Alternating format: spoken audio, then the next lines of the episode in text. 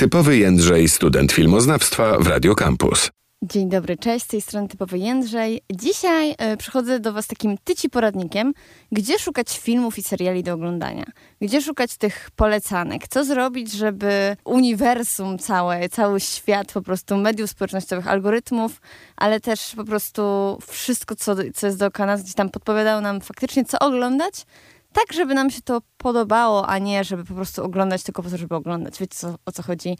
Nie ma nic gorszego, jak odpalać jakiś film i tak po 15 minutach orientujecie się, że kompletnie was to nie obchodzi, no ale już no, trzeba to oglądać do końca, ewentualnie walnąć sobie e, szybką drzemkę i po prostu poddać się, y, bo, bo czasami faktycznie tak jest, że wieczorem to odpalanie filmów e, gdzieś tam w streamingach kończy się tym, że po prostu zasypiamy, bo kompletnie nas to nie interesuje. E, dzisiaj mam dla was kilka rad, co, co zrobić, żeby było trochę łatwiej i pierwszą radą, jaką kiedyś usłyszałam i kompletnie nie miałam o tym pojęcia, jest to, jak mega zaawansowany jest ten algorytm, na przykład Netflixa. No już w innych portalach streamingowych jest trochę gorzej, jakby wiemy jak jest, ale jeśli macie w planach na przykład obejrzenie jakiegoś filmu na Netflixie, to warto te, dla tego Netflixa poświęcić kilka chwil, polejkować to, co już kiedyś widzieliście, niekoniecznie tam, możliwe zupełnie gdzie indziej, mm, pokazać temu portalowi, co wam się podoba, bo okazuje się, że on całkiem sprytnie potrafi wam później podpowiedzieć, co innego może, może być spoko, a nie wywalać tylko swój oryginalny content y, na te pierwsze strony, bo wszyscy wiemy, że, że ostatnimi czasy tego kontentu jest bardzo, bardzo dużo na Netflixie i czasami ciężko jest po prostu znaleźć coś, co nam na pewno będzie pasowało. A tutaj na pewno możemy, możemy tej platformie pomóc. Po prostu karmy algorytmy Netflixa, klikajmy, co nam się podobało, co nam się nie podobało. Pewno będzie to podpowiadało też e, temu portalowi, co, czego tak naprawdę chcielibyście unikać. Unikajcie też oczywiście wspólnych kont, no bo jeżeli wy bardzo nie lubicie oglądać Formuły 1, a wasza partnerka bądź wasz partner jest wielkim fanem, no to niestety na wspólnym koncie na Netflixie ciężko będzie to wszystko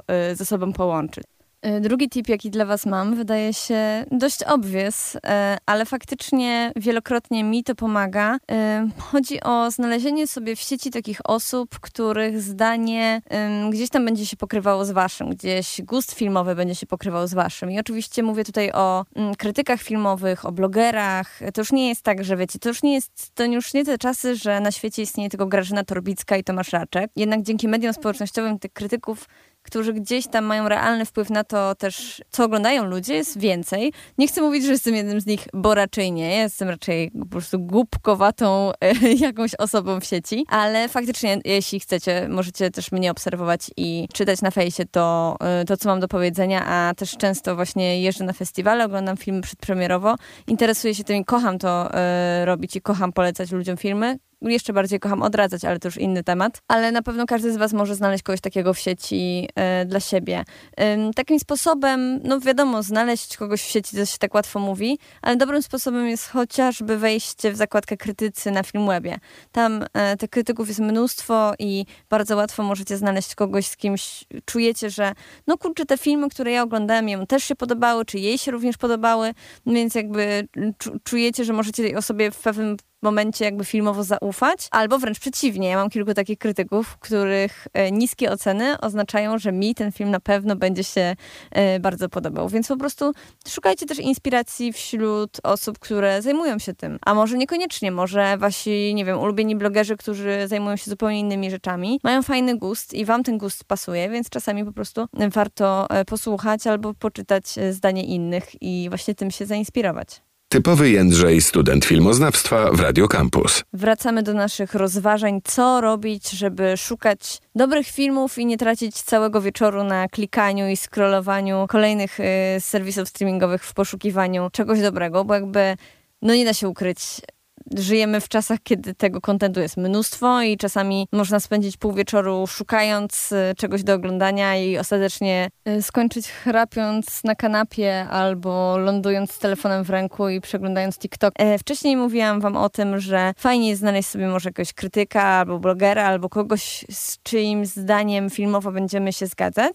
albo może fajnie jest po prostu pomóc Netflixowi mm, gdzieś tam e, w stworzeniu fajnego algorytmu, a e, te teraz przychodzę do Was z taką radą, że może po prostu warto wrócić do klasyków. Sprawdźmy, czy my widzieliśmy wszystkie naprawdę takie klasyczne filmy. Ja na przykład ostatnio obejrzałam Dzień Świstaka. Ja nigdy nie widziałam tego wcześniej i to jest pomysł na, na dobry wieczór, bo to jest po prostu obiektywnie dobry film. I na IMDB, i na Filmwebie, i na takich dużych filmowych portalach znajdziecie te listy top 100, 1000 i tak dalej najlepszych filmów. Może warto tam poszukać inspiracji. Może są jakieś wielkie hity, o których wy y, wcześniej nie słyszeliście albo ich nie widzieliście. Ja na przykład y, kilka lat temu pamiętam, obejrzałam po raz pierwszy raz Zieloną Milę, bo gdzieś tam unikałam tego filmu, bo no nie wierzyłam w to, że on mi się będzie podobał. Ale skoro miliony ludzi na całym świecie były zachwycone tym filmem i są zachwycone nim nadal, dlaczego miałby mi się nie podobać? I to jest zawsze to uczucie, kurczę, czemu przez 30 lat życia zwlekałam, żeby coś obejrzeć, skoro jest to po prostu obiektywnie dobre. Więc sprawdzajcie po prostu listy przebojów, że tak powiem i odhaczajcie sobie tam filmy, których jeszcze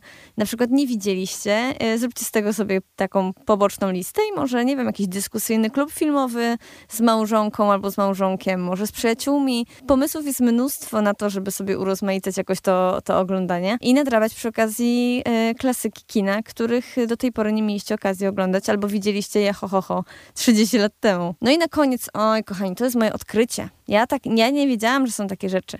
W tym roku skończyłam 30 lat, więc jakby uznaję się za takiego rasowego milenialsa. No i tak nie zawsze wiem, co u tych młodszych tak w trawie piszczy. Nie wiem, co oni tam wyprawiają do końca. I całkiem niedawno się okazało, że no teraz ocenia się filmy na portalu, który nazywa się Letterboxd. Nie wiem, czy tak się to czyta, nie mam pojęcia, ale to jest Letterboxd, tak XD na końcu. Letterbox... X... Nie. Letterbo XD. E, I tam młodzi ludzie, no nie chcę mówić, że tylko młodzi ludzie, bo widzę tam też wiele osób w moim wieku i o wiele starszych. Mm, tam właśnie teraz ocenia się filmy, to jest mega popularny na całym świecie portal.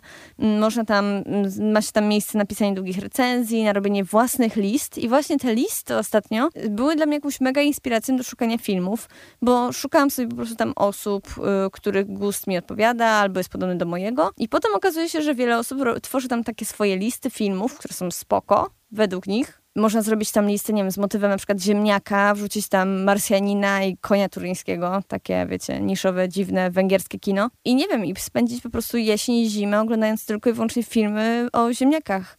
I e, tych list jest tam mnóstwo i są przeróżne i są mm, tak naprawdę dopasowane do tego, czego szukacie w kinie. Jeżeli na przykład wpiszecie sobie, że szukacie listy o y, filmów tylko i wyłącznie o, nie wiem, niespełnionej miłości, albo o tęsknocie, albo takich, które tylko i wyłącznie podniosą was na duchu, to to tam znajdziecie, bo ktoś już to zrobił i to jest super, bo można się mega zainspirować y, i znaleźć coś dla siebie. Mam nadzieję, że zostawiłam Was chociaż z taką minimalną pulą rad, co zrobić, żeby nie marnować jednak tych wieczorów na niekończącym się scrollowaniu i szukaniu jakiegoś filmu czy serialu dla siebie. Oglądajcie rzeczy, które Was obchodzą i które Wam się podobają, ewentualnie które Was obchodzą, ale Wam się nie podobają.